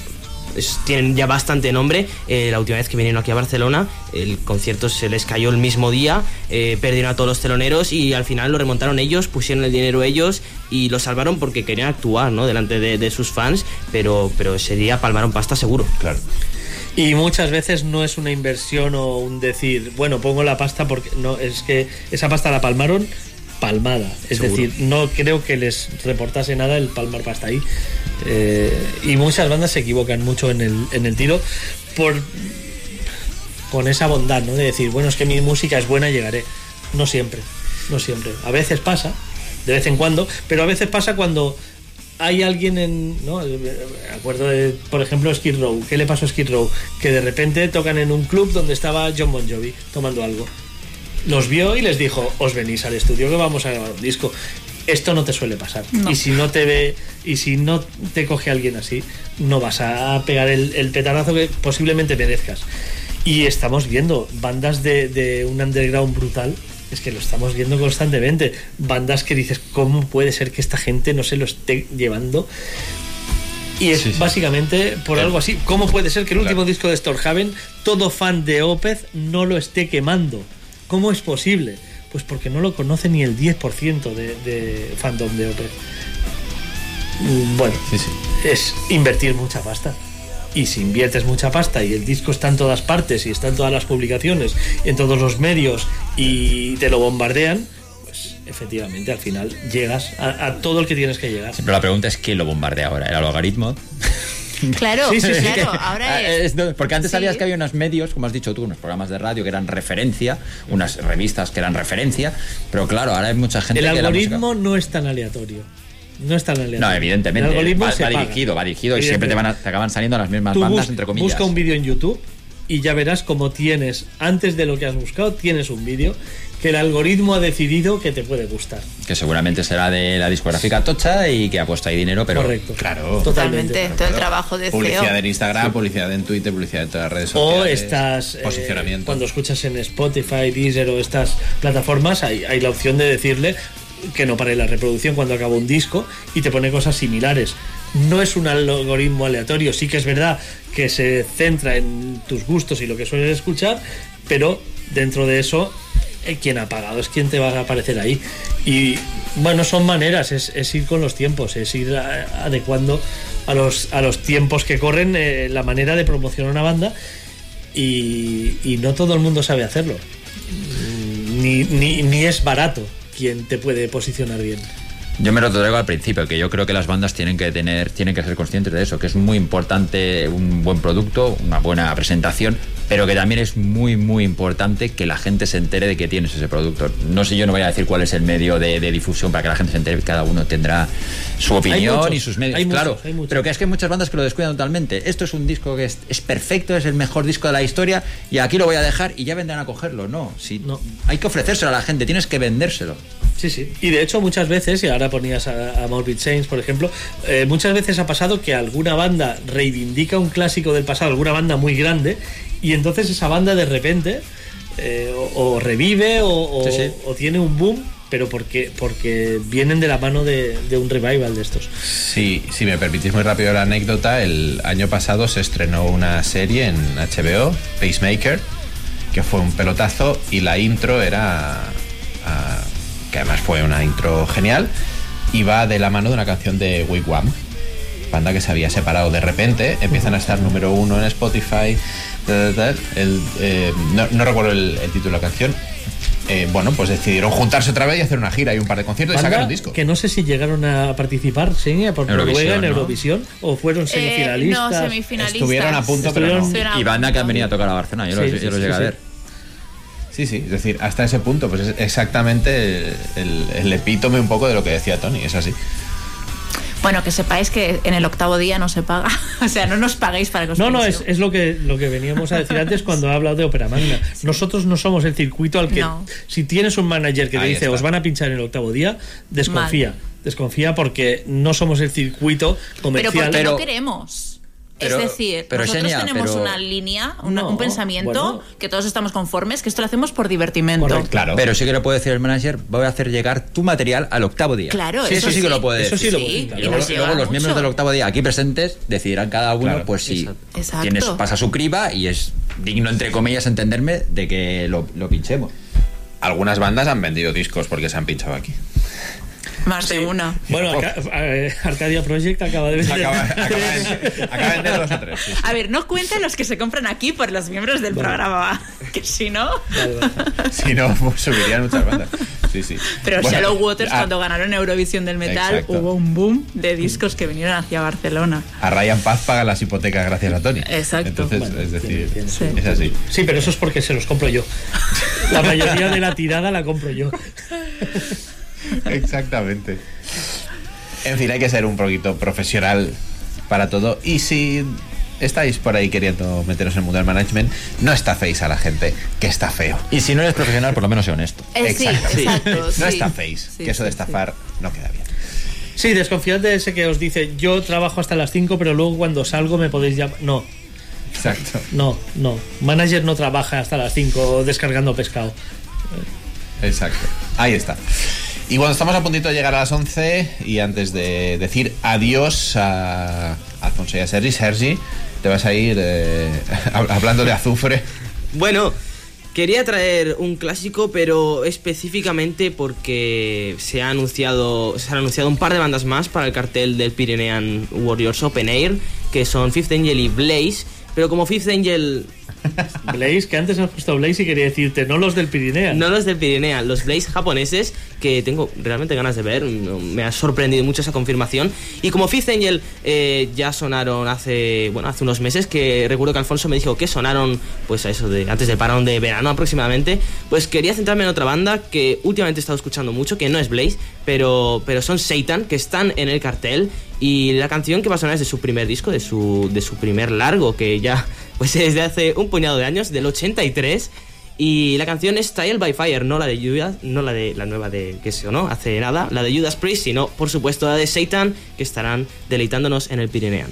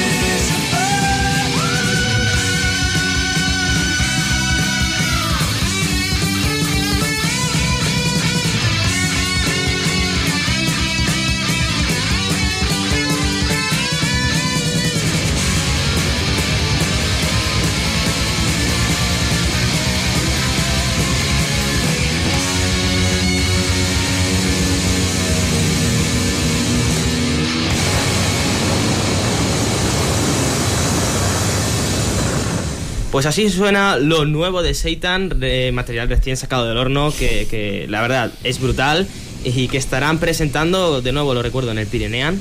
eh, que si no lo habéis mirado, ir a echarle un vistazo porque el cartel merece la pena ya, de- con, con las 4 o 6 bandas como mucho que hay ya anunciadas, y, y diría que, que aún es un podrían festival. Sergi, que merece la pena casi sin mirar el cartel. Sí, realmente Además. sí. Toda la gente que ha ido me lo ha dicho, que solo el ambiente ya vale la pena. Sí.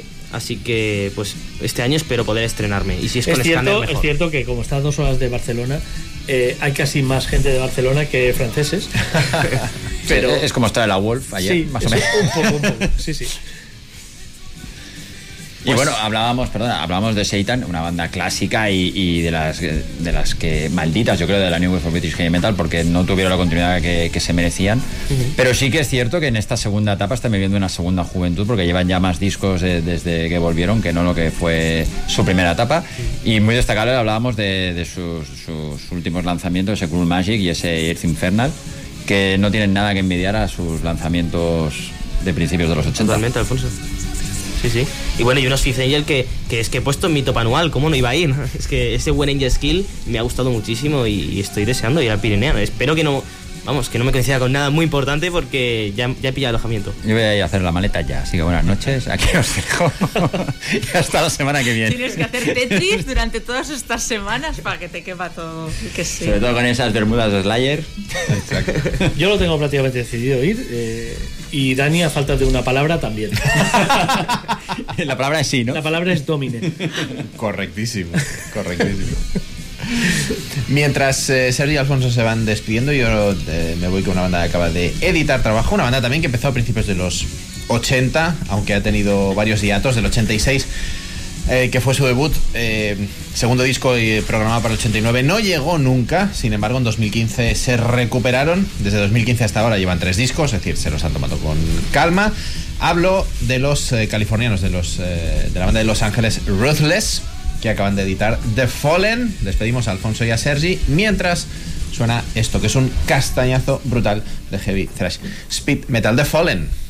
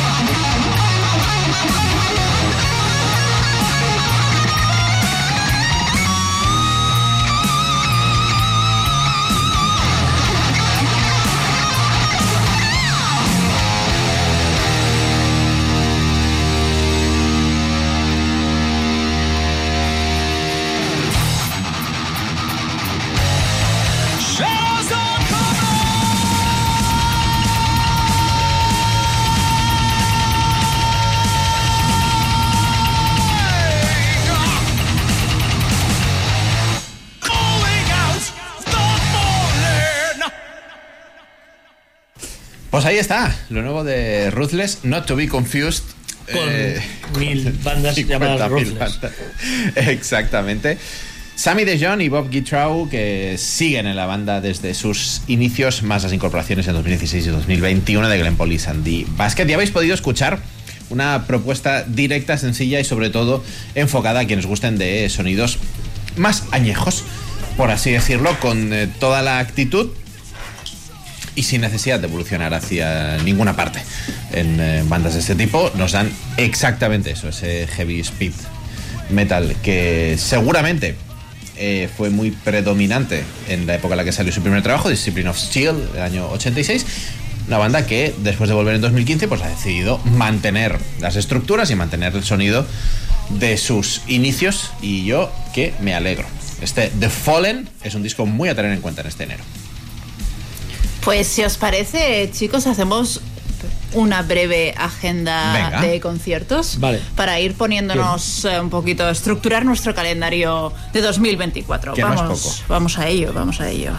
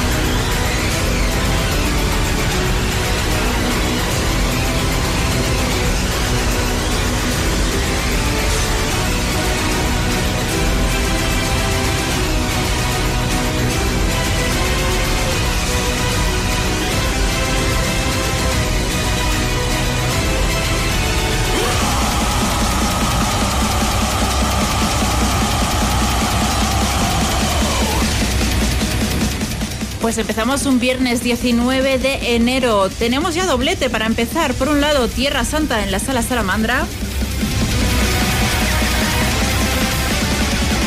Y como nos ha comentado antes Sergi, ay, perdón. Y por otro lado, eh, Blaze Out y We Exist Evented. Ya me estoy, veo Blaze y ya, ya me confundo. En la, el Bye Bye Yes, Data Raza.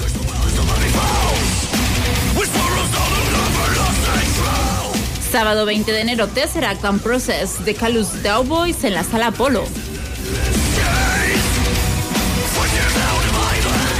Ahora sí, el miércoles 24, Blaze Bailey y Absolva en la sala Wolf.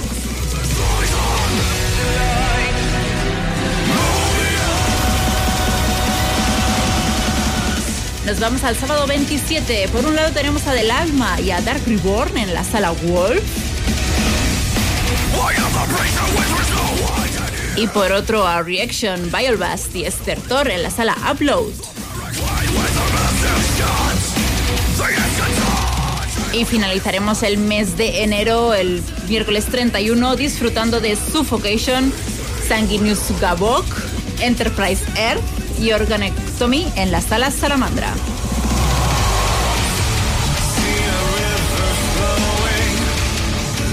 El viernes 2 de febrero está muy concurrido. Para aquellos que vivís cerca de Vice, estarán actuando Angelus Apátrida junto a Terminal Violence en la sala Red Star.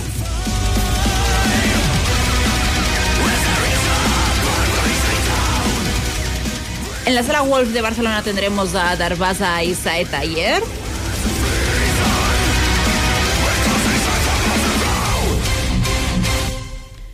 Y otra opción es ir a ver a Cthulhu, Evo, Vicio y Electric Hounds en la sala Bóveda.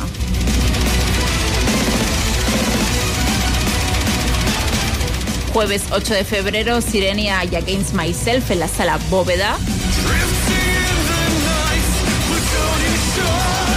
Sábado 10 de febrero, Hamlet en la sala Salamandra.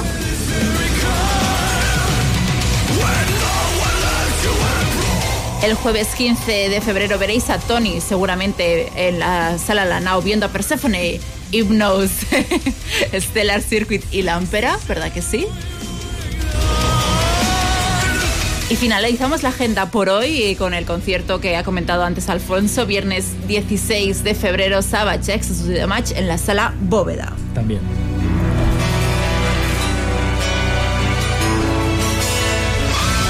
Sabéis, eh, tenéis, eh, si sois de Barcelona, cercanías, más que nada porque es donde, de donde ponemos los conciertos. eh, tenéis un enlace en nuestros perfiles de todas, cualquier red social y podéis sincronizar vuestro, nuestro Google Calendar de agenda de conciertos a vuestro Google Calendar. Así que, oye, así se está al día de todo. Y si eres una banda y que y falta tu concierto y crees que es interesante que lo pongamos, nos envías un correo al octavodía.gmail.com y lo añadimos. Y no hace falta que nos pagues nada.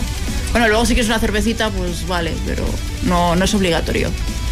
La gira de Hamlet va a recoger, si no voy equivocado, tres de sus discos más celebrados: Revolución 12111, El Inferno. Sanatorio de muñecos, ¿no? ¿No? Si no es sanatorio no me interesa.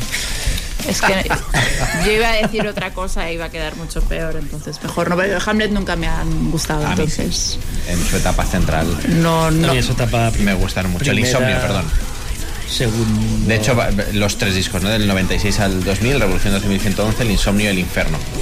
Sí que verdad que yo añadiría el Hamlet de, de 2002, pero no sé exactamente si van a tocar discos enteros o van a hacer una selección, imagino que no, pues son tres álbumes, una selección de esos tres discos, pero entiendo que la, la gira, llamándose como se llama, que es Revolu, Insomnio, Inferno, pues va a ir, va a ir por ahí, seguramente. Sí, que sí. Bastante bien. Sí, sí, sí.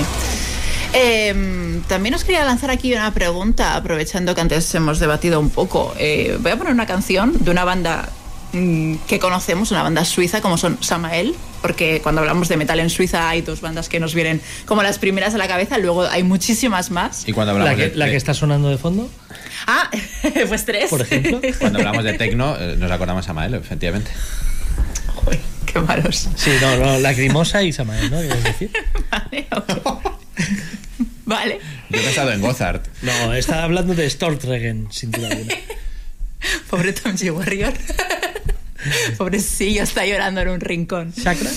Eh, bueno, pues eh, mi pregunta aquí está. Todas. Qué malos. Ahora. También Ara, están ara, ara. en tu top. Sí. Y, en, y en alguno de los Es top de los oyentes en también. hay dos suizos, ¿eh? Ara y Stortregen. Sí, que sí, es, correcto. No es, no es habitual tantos suizos. No. Pero no, no. tú hablas de Yo hablo de, de Samael, eh, pero de- de- dejamos que estén eh, los otros suizos Shaon de fondo, que son muy buenos. Es un tema real. Hablo de, Sha- de Samael, porque no sé si sabéis que el próximo 16 de febrero verá la luz Passage Live, un disco del directo que ofreció Samael en Cracovia, en Polonia, el pasado 2023, con motivo del Passage, eh, del 25 aniversario del Passage. Uf, pero es que a mí no me salen los números. Primero, porque Sí. el Passage es del Es del 96. 96, Por 96. tanto, no estamos hablando de 25 años, estamos hablando de 27. Bueno, 25 años hizo en plena pandemia durante Ya, la cual Claro. no podías hacerlo. No sé, es que yo tengo la sensación desde hace mucho que Samael quieren vivir de rentas del Passage. Porque las últimas veces que ah, les he visto en directo, que ya hace bastante que no, y tienen muy buen directo, Mm. la gente solamente hace caso a las canciones del Passage, a ninguna más. Y es en plan, no sé, creo que es una banda que tiene una trayectoria correcta, no diría magnífica. Mm. Bueno, de hecho, yo creo que Samael eh, son grandes en lo suyo por Ceremony of Opposites, que es el disco, digamos, uno de los pilares. Eh, Passage sí que es verdad que, que seguramente lo hicieron antes que nadie, o mejor que nadie en ese momento. Yo diría mejor quizás. Sí, porque seguramente había bandas que habían flirteado también con sonidos parecidos, pero, pero ese disco les quedó bastante redondo y gente como yo, totalmente reacia a estilos electrónicos, me flipó. Entonces, creo que, creo que tiene su mérito. Pero yo, yo a Samael, por lo menos en los círculos en los que yo me muevo, Samael es Ceremony of Opposites, es el disco. Yo me enganché, y lo estaba repasando ahora la discografía de Samael, al Solar Soul de 2007. Buenísimo. Yo, estu- yo estu- cuando les estuve conocí. muy flipado y, con ese y disco. me encanta ese disco. flipado con ese disco. Mucho. Lo Pero es- pinchamos aquí bastante. en Mucho. época, sí, sí. Por eso me enganché, sí, sí. porque lo pinchamos de No, pesado. porque, porque llegó al octavo día y, Sí, sí. y, Hostia, esta banda tal. Yo porque entonces no tenía ni idea y me, me- me- vamos, me entró de, del tirón. Es que mi percepción es, eh, será mi entorno, como dice Tony, es Passage y ya te digo, las últimas veces que hace bastante que, que no les veo es cuando la gente corea o les Sí. hace caso y es en plan, no sé. Entonces, bueno, como has sacado este directo, era como la excusa perfecta para lanzar la pregunta por si lo veíais como yo, porque yo lo veo como que están intentando vivir de rentas. No, o sea, la verdad es que yo les he perdido bastante la pista, pero, o sea, No, si es que tampoco han sacado nada. Desde el 2017 que no sacan nada. O sea, que tampoco es que normal que les hayas perdido no la sé, yo pista. lo, lo- lo que me hizo a mí en el cerebro la primera vez que escuché un tema de Passage, que fue The One Who Came Before, o sea, me explotó la cabeza con esa canción. Y ya digo que, que está muy bien hecha, muy bien integrado. Y no me extraña, en aquella época perdieron muchos fans, claro, todo el fan que venía del Ceremony eh, se, les, se les fue. Pero mucha gente que luego ha bebido de eso para crear música y muchos estilos que vienen luego eh, después de ellos, sí que lo reivindicaron más tarde y, y no me extraña que ahora tienen mucho de, de ese, de ese disco de Passage. Pues nada, eh, ya que va a sacar, van a sacar este directo grabado en Cracovia el próximo 16 de febrero, sí que tenemos un single de lo que, cómo va a sonar y demás. A mi entender no suena muy allá, pero bueno, lo comparto con todos vosotros, a ver si es que yo los he, cru- me los he cruzado, tengo el día cruzado con Samael, ¿qué vamos a, hacer? Vamos a escuchar este Jupiterian Vibe de Samael. Sabía que iba a ser Jupiterian Vibe. O Es- sea, es algo que es algo que no entiendo. O sea, si fue el single del disco, ¿por qué lo haces? O sea, Ya. juega más. Hay muchas canciones buenas en ese disco. Quizás como si en, si en su momento fue así, ahora queremos que sea así, no lo sé. ¿eh? Estoy vale. hablando por, por hablar, no, no he hablado con ellos de, sobre estos temas. Vamos a escuchar a Samael.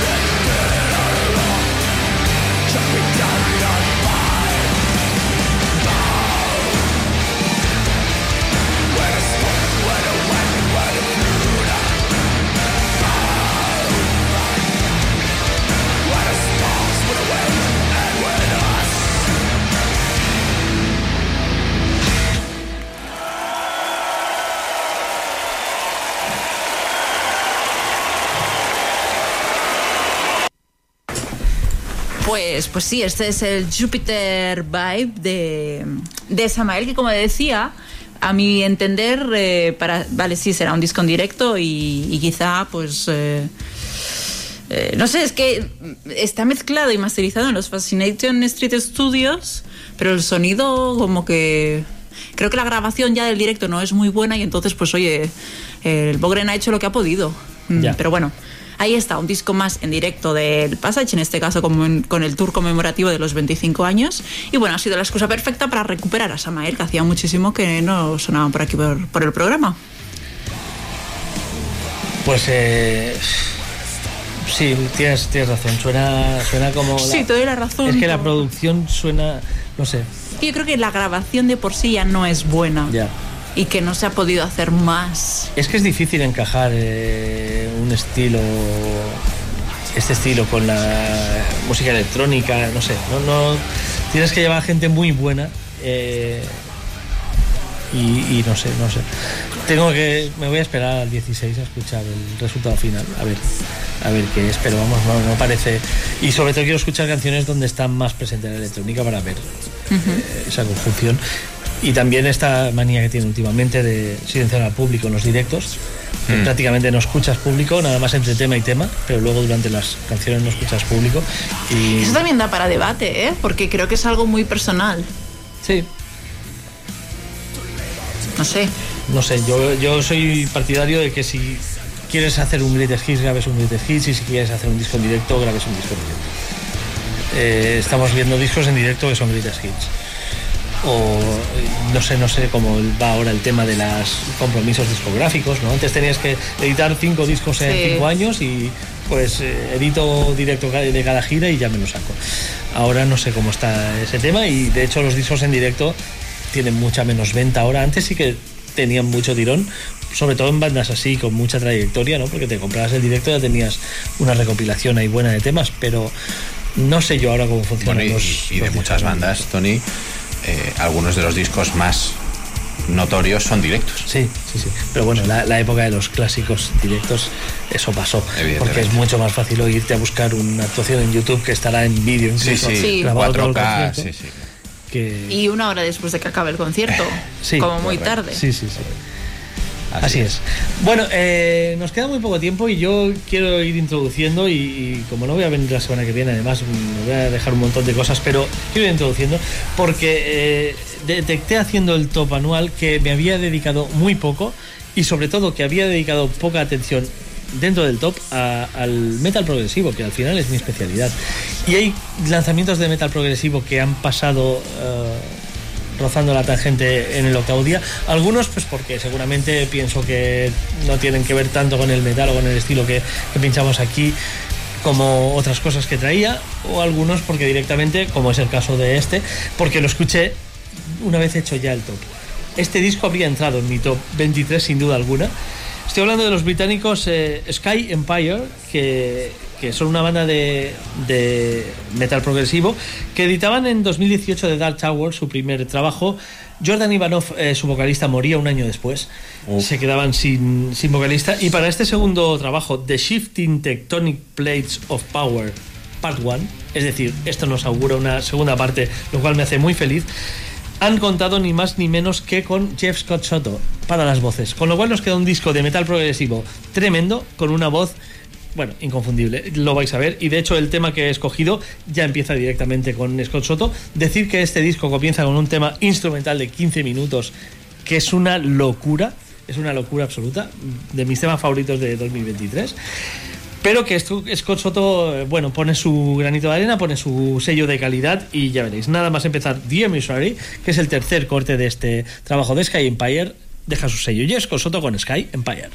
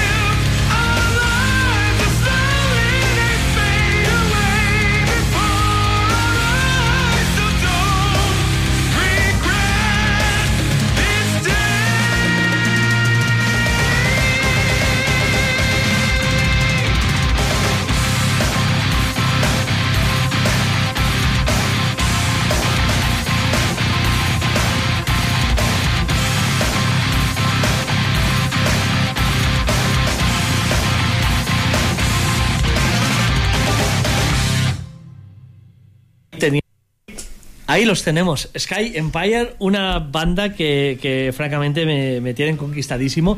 Y este disco, eh, The Shifting Tectonic Plates of Power, Part 1, afortunadamente, esperemos la parte 2, esperamos eh, que, que llegue pronto, pues eh, me tiene absolutamente conquistado Jeff Escosoto eh, modulando la voz y poniéndola al servicio de, de los temas de, de este disco hace un trabajo soberbio, tremendo. La, mi canción favorita seguramente es House of Cards, que es la que cierra el disco, pero como dura casi 20 minutos, no quería eh, cerrar el programa yo solo. En fin, un disco absolutamente disfrutable, muy progresivo. Como decía Shane, el, tema, el comienzo de este tema, por ejemplo, más, bastante poppy. Recuerda bastante un tema de The Astonishing de Dream Theater, el comienzo de este tema. Eh, Pero es un disco que, como habéis visto en esta canción, va cambiando un poquito de registro y el disco lo hace. Todas las canciones eh, van cambiando, van, suben, bajan, se pone más lento, ahora me acelero, ahora una parte muy técnica, ahora una muy melódica. En definitiva, un disco muy disfrutable que pasa muy rápido y que os recomiendo desde aquí, Sky Empire. Pues venga, que nos vamos acercando ya al final del programa, no me enrollo.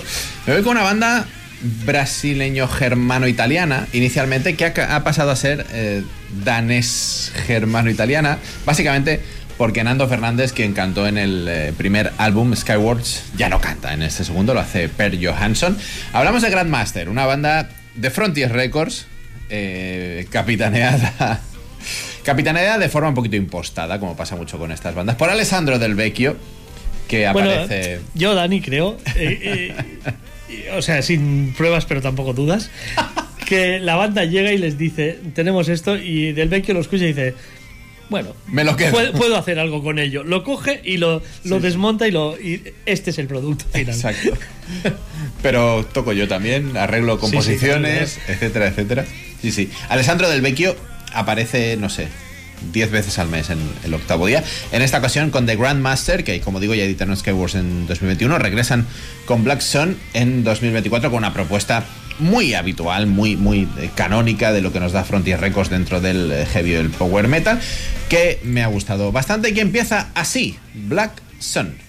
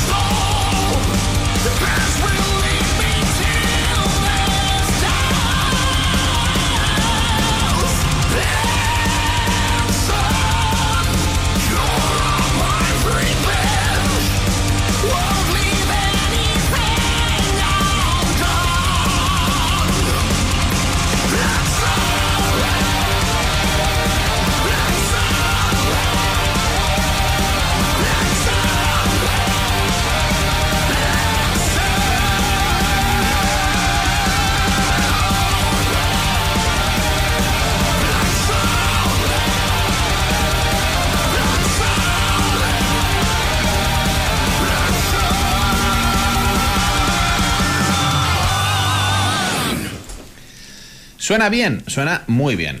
¿Es un disco de heavy metal eh, muy apañado? Desde luego. ¿Suena un poco a prefabricado tal? Eh, sí. ¿Por qué decir que no?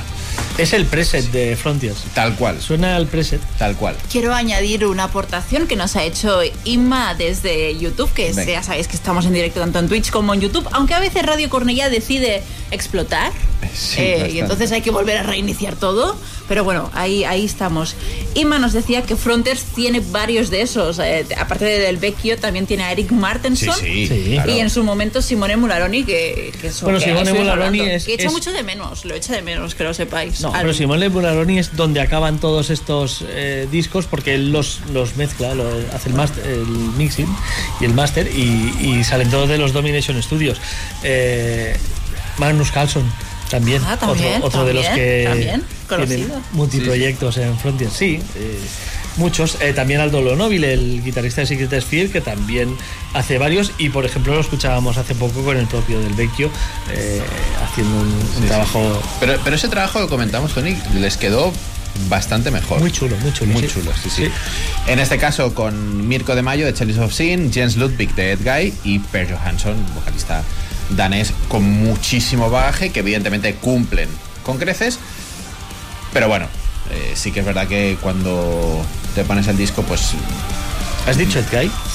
¿Cómo hecho de menos Guy? Es que, es Sí, que justo verdad. iba a hacer ese comentario, digo, echo de menos a Guy y mira que los últimos mucho. discos tampoco es que Tengo que hacer un especial pero eh, explicando por qué Guy es infinitamente superior a Avantasia. me parece muy bien. pues Ya ponte a trabajar en ello. Vale. Sí, sí. Deberes. Así es. Y sobre todo para que la gente escuche los últimos discos de Ed Guy que están infraescuchados. Vale. Y el último, el Space, Space Police, Police, a mí me es encantó. brutal. Ese disco es encantó, buenísimo. ¿Sí? Y Sí. ves la portada y dices, no escucho esto ni harto de vino, Es porque la portada es patética. fea. Era muy chunguísima y... Pero el plan, disco coña. es buenísimo. Tiene la canción larga de 10 minutos, es de lo mejor que ha hecho Ed Guy. Es que Estoy es muy muy, bueno, muy pues bueno. nada, deberes para mí, en este Sí, caso. sí. Correcto. ok, tomo Correcto, nota. correcto. Pues voy a dejar este, esta alegría y este divertimento que, que nos da del Vecchio y. Frontiers para ir a algo un poquito más oscurito. Alguien que va a venir al- a, tocar junto a Angra y Ópera Magna. Pero no me desveles la sorpresa. Pero no, por pero no favor. con la banda que va a poner. No con la banda os lo a. Perdón, perdón. Mira, eh, hace tiempo presentamos aquí a Son of the Dying, una banda de doom metal de Madrid que entre sus componentes tiene a David, eh, David Muñoz. creo que es Castillo. Era, David era- Muñoz. David Muñoz. David Muñoz, perdón. No el cocinero, otro.